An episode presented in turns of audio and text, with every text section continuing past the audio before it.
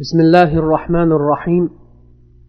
الحمد لله رب العالمين والعاقبة للمتقين والصلاة والسلام على خير خلقه محمد وعلى آله وصحبه أجمعين. أما بعد السلام عليكم ورحمة الله وبركاته. hurmatli mo'min birodarlar bu darsimizda payg'ambar sollallohu alayhi vasallamning hajda ummatlari uchun ko'rsatgan go'zal namunalaridan biri zohidliklari haqida bahs yuritamiz.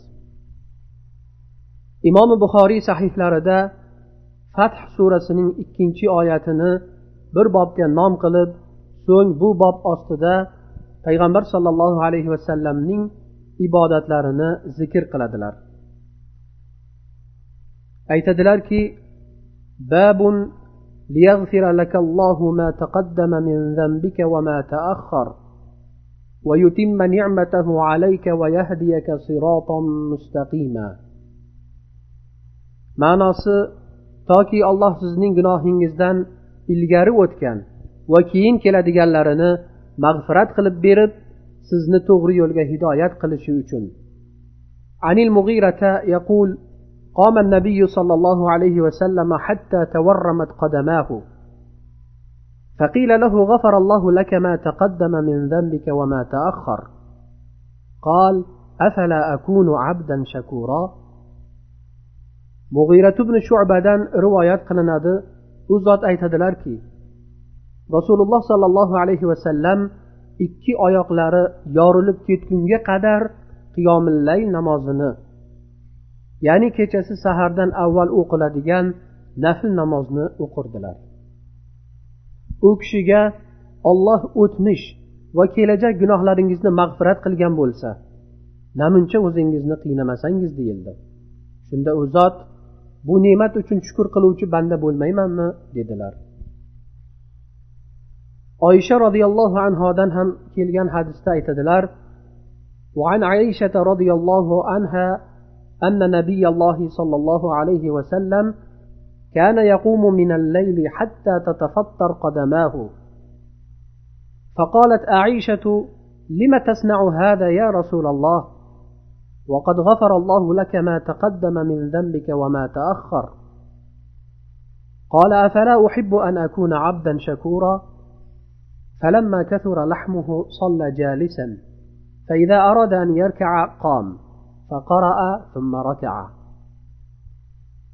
payg'ambar sollallohu alayhi vasallam ikki oyoqlari yorilib ketgunga qadar qiyomillay namozini o'qirdilar oysha roziyallohu anho nima uchun bunday qilasiz ya rasululloh axir olloh o'tmish va kelajak gunohlaringizni mag'firat qilganku dedilar shunda u zot aytdilarki shukur qilguvchi banda bo'lmaymanmi Oysha aytadilar rasululloh sollallohu alayhi vasallam go'shtor bo'lib vazminlashib qolganlarida o'ltirib o'qiydigan bo'lib qoldilar.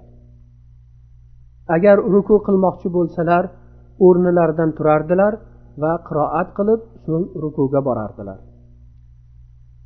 Imomi muslim ham xuddi shu hadislarni sahihlarida rivoyat qilganlar.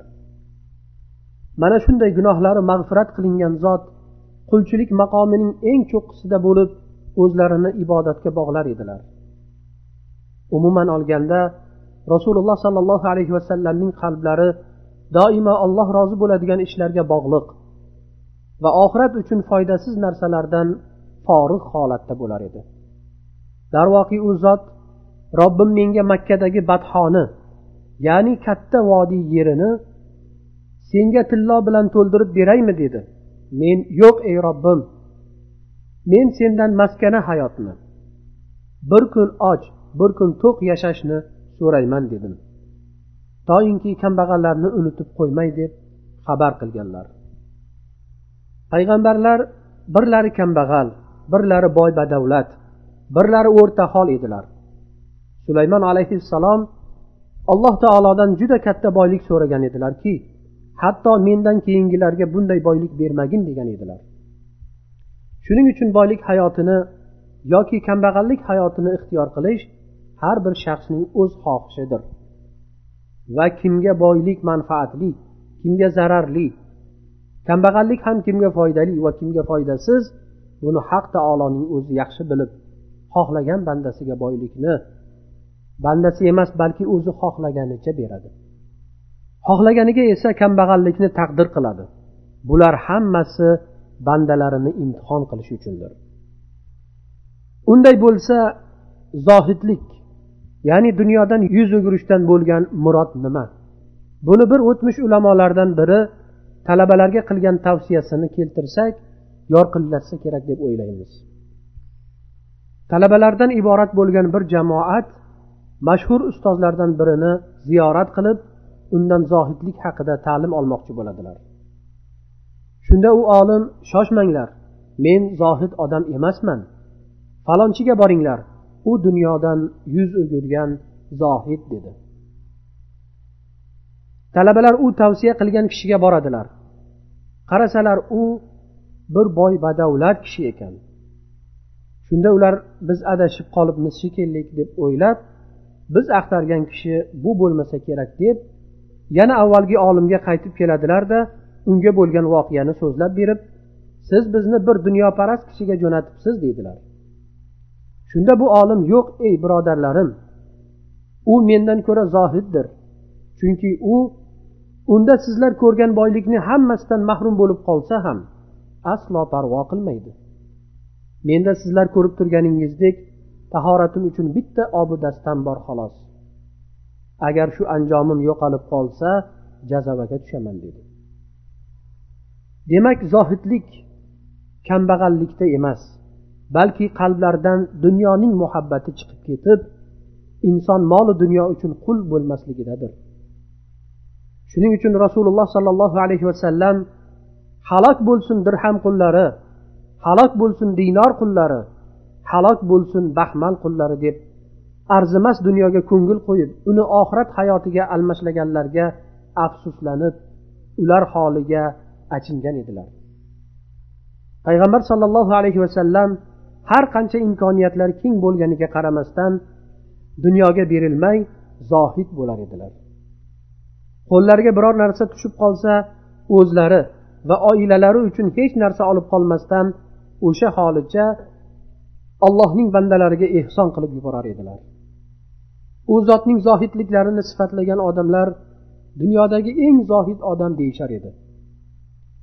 Xullas rasululloh sollallohu alayhi vasallamning zohidliklarini san'at adog'iga yetish mumkin emas. Shunday bo'lsa ham bu yerda ba'zilarini keltirib o'tamiz. Sahihi buxoriyda kelishicha rasululloh sollallohu alayhi vasallam allohga duo qilib ey ilohim muhammad avlodini qut bilan rizqlantirgil dedilar. Muslimning sahihlarida ham rivoyat qilinishicha ey ilohim muhammad avlodini kafof bilan rizqlantirgil degan ekanlar. Buning ma'nosi bir kunga yetar ozuqa bergil ya'ni kunma kun bo'lsin chunki ko'pi odamni ibodatdan mashg'ul qilsa ozi ham insonni ibodatdan qoldirishi mumkin. Yana imom muslimning sahihlarida payg'ambar sollallohu alayhi vasallamning ochlikdan bukilib qolganliklari haqida umar roziyallohu anhu aytadilar. Men rasululloh sollallohu alayhi vasallamni yeyishga bir dona xurmo qoqisini ham topa olmasdan kun bo'yi ochlikdan egilib yurganliklarini ko'rganman. Oila a'zolari bilan birgalikda uch kun qatorasiga bug'doy uniga to'ymaganliklari haqida oysha onamiz aytadilar. Rasululloh sollallohu alayhi vasallam oxirat safariga o'tib ketgunlaricha uch kun qatorasiga bug'doy unini to'yib yemadilar. Yana bir buxoriyning rivoyatlarida muhammad sollallohu alayhi vasallam va oilalari uch kun qatorasiga bug'doy unini to'yib yemadilar deyiladi. U zotning qalblari faqat oxiratga bog'liq ekanligiga arafotdagi labbay ey ilohim yaxshilik bu oxirat yaxshiligidir degan so'zlarida yanada yaqqolroq namoyon bo'ladi. Bu so'zlari yana bir rivoyatda labbay senga ilohim hayot bu oxirat hayotidir deb ham keladi. Ibn mojjaning sunanlaridagi rivoyatlariga ko'ra rasululloh sollallohu alayhi vasallamning hajga mingan tuyalariga eski egar urilgan va bahosi ham to'rt dirhamga arzigan yoki arzimagan duxoba jabduq yopilgan edi. Ibn qoyim aytadilar rasululloh sollallohu alayhi vasallamning hajlari egar uzra bo'lardi.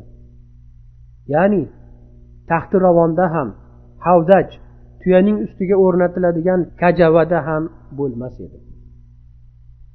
Abu dovud sunanlarida rivoyat qilishlaricha ibn umar roziyallohu anhu bir necha yillardan keyin yonlaridan egarlari oshlangan teridan nuqtalari jundan o'rilgan tuyalarni mingan yamanlik yo'lovchilar o'tib qolganda rasululloh sollallohu alayhi vasallamni holatlarini eslab kimda kim hajjatil vadoga kelgan rasululloh sollallohu alayhi vasallam va sahobalarga o'xshagan yo'lovchilarni ko'rgisi kelsa mana bularga qarasin degan edilar.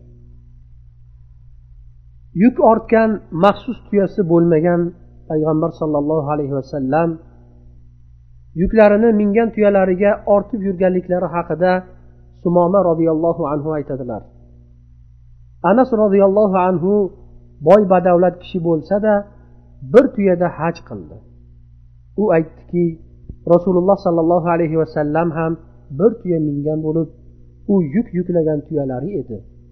Bu hadisni imom buxoriy sahihlarida rivoyat qilganlar. Yana imom buxoriy sahihlarida rivoyat qilishlaricha rasululloh sollallohu alayhi vasallam tuyalarga sahobalarini alloh ulardan rozi bo'lsin mingashtirgan ekanlar. Arafotdan muzdalifaga jo'naganlarida tuyalarga usomat ibn zaydni muzdalifadan minoga jo'naganlarida esa fazl ibn abbosni mingashtirib olgan edilar. Bu u zotning naqadar tavozuli ekanliklariga dalolat qiladi. Odamlardan imtiyozlanmay hamma qatori yurardilar. Sahihil buxoriyda kelgan bir hadisda aytiladiki siqoyatchilarga ya'ni hojilarga suv bilan ta'minlab turguvchi kishilarga suv olib kelinglar deb so'radilar. Shunda abbos ey fazil ya'ni abbos o'zining o'g'li fazilga yugur onangga bor rasululloh sollallohu alayhi vasallamga suv keltir dedi. Rasululloh sollallohu alayhi vasallam suv beruvchilarga qarab suvdan quyinglar dedilar. Abbos roziyallohu anhu aytdilarki ya rasululloh bu suvga odamlar qo'llarini solib yuborishgan. Rasululloh sollallohu alayhi vasallam yana suvdan quy dedilar va o'sha suvdan ichdilar. Imom buxoriy va imom muslim rivoyatlarida kelishicha payg'ambar sollallohu alayhi vasallam qalblarida dunyoning muhabbati bo'lmagan zot. Hajda yuzta tuyani qurbonlik qilib ko'p sadaqa qilar va odamlarni taomlantirar edilar. Tarviya kuni o'zlarining muborak qo'llari bilan yetti tuyani nahr qilib go'shtini terisini va jadduqlarini miskinlarga tarqatib berishni ali roziyallohu anhuga buyurdilar. Goho sadaqalarni odamlarga o'z qo'llari bilan taqsimlab berardilar. Qurbonlik so'yiladigan kuni bir to'da qo'yni taqsimlashga kirishdilar. Shunda oldilariga ikki yigit kelib undan berilishligini so'radi. Ularga nazarlarini ko'tarib qarab ikki baquvvat yigitni ko'rdilarda xohlasangiz beraman lekin bunda boylarning va kasbi kori bor baquvvat odamlarning nasibasi yo'q dedilar. Bu hadisni abu dovud sunanlarida rivoyat qilganlar imom muslim rivoyat qilishlaricha rasululloh sollallohu alayhi vasallam agar taomlansalar kamtarona ovqatlanar edilar. Hajjadil vadoda qurbonliklarini so'ygan vaqtlarida savbon roziyallohu anhuga qarab mana bu go'shtni sozlab ber dedilar. Savbon aytadi go'shtni sozlab berdim. To madinaga yetgunlaricha ana shu go'shtdan yeb keldilar. Ya'ni go'shtni tuzlab quritib olib madinaga yetib kelguncha ana shu quritilgan go'shtdan yeb kelgan edilar. Birodarlarim agar qalbingiz uyg'oq bo'lsa va alloh taolo hamisha uyg'oq qilsin dunyo va uning ziynatlaridan taqvo qiling. Dunyoga qul bo'lib qolishdan ehtiyot bo'ling chunki u o'tkinchi va xorlik uyidir. Rasululloh sollallohu alayhi vasallam dunyoning sifatida uysizning uyi molsizning molidir. Uni aqlsiz odamlargina jamlaydi degan edilar. Agar bu dunyo rizo hovlisi bo'lganida edi alloh subhanahu va taolo uni o'z avliyolariga xalqi orasidagi sof odamlarga ravo ko'rib kofirga bermagan bo'lardi. Dunyo fitnasidan ehtiyot bo'ling. Albatta u botil naradir. Rasululloh sollallohu alayhi vasallamning haj mavsumi asnosida robbilari bilan bo'lgan ahvollarining nurafshon sahifalaridan ba'zilari mana shulardan iboratdir.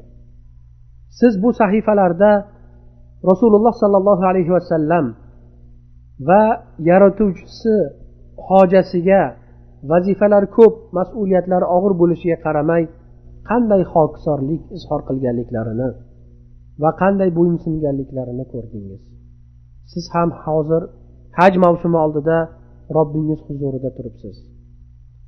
Ibn mojja sunanlarida rivoyat qilishlaricha payg'ambarimiz sollallohu alayhi vasallam har bir odam bolasi xato qilguvchi xato qilguvchilarning eng yaxshisi tavba qilguvchilari degan edilar.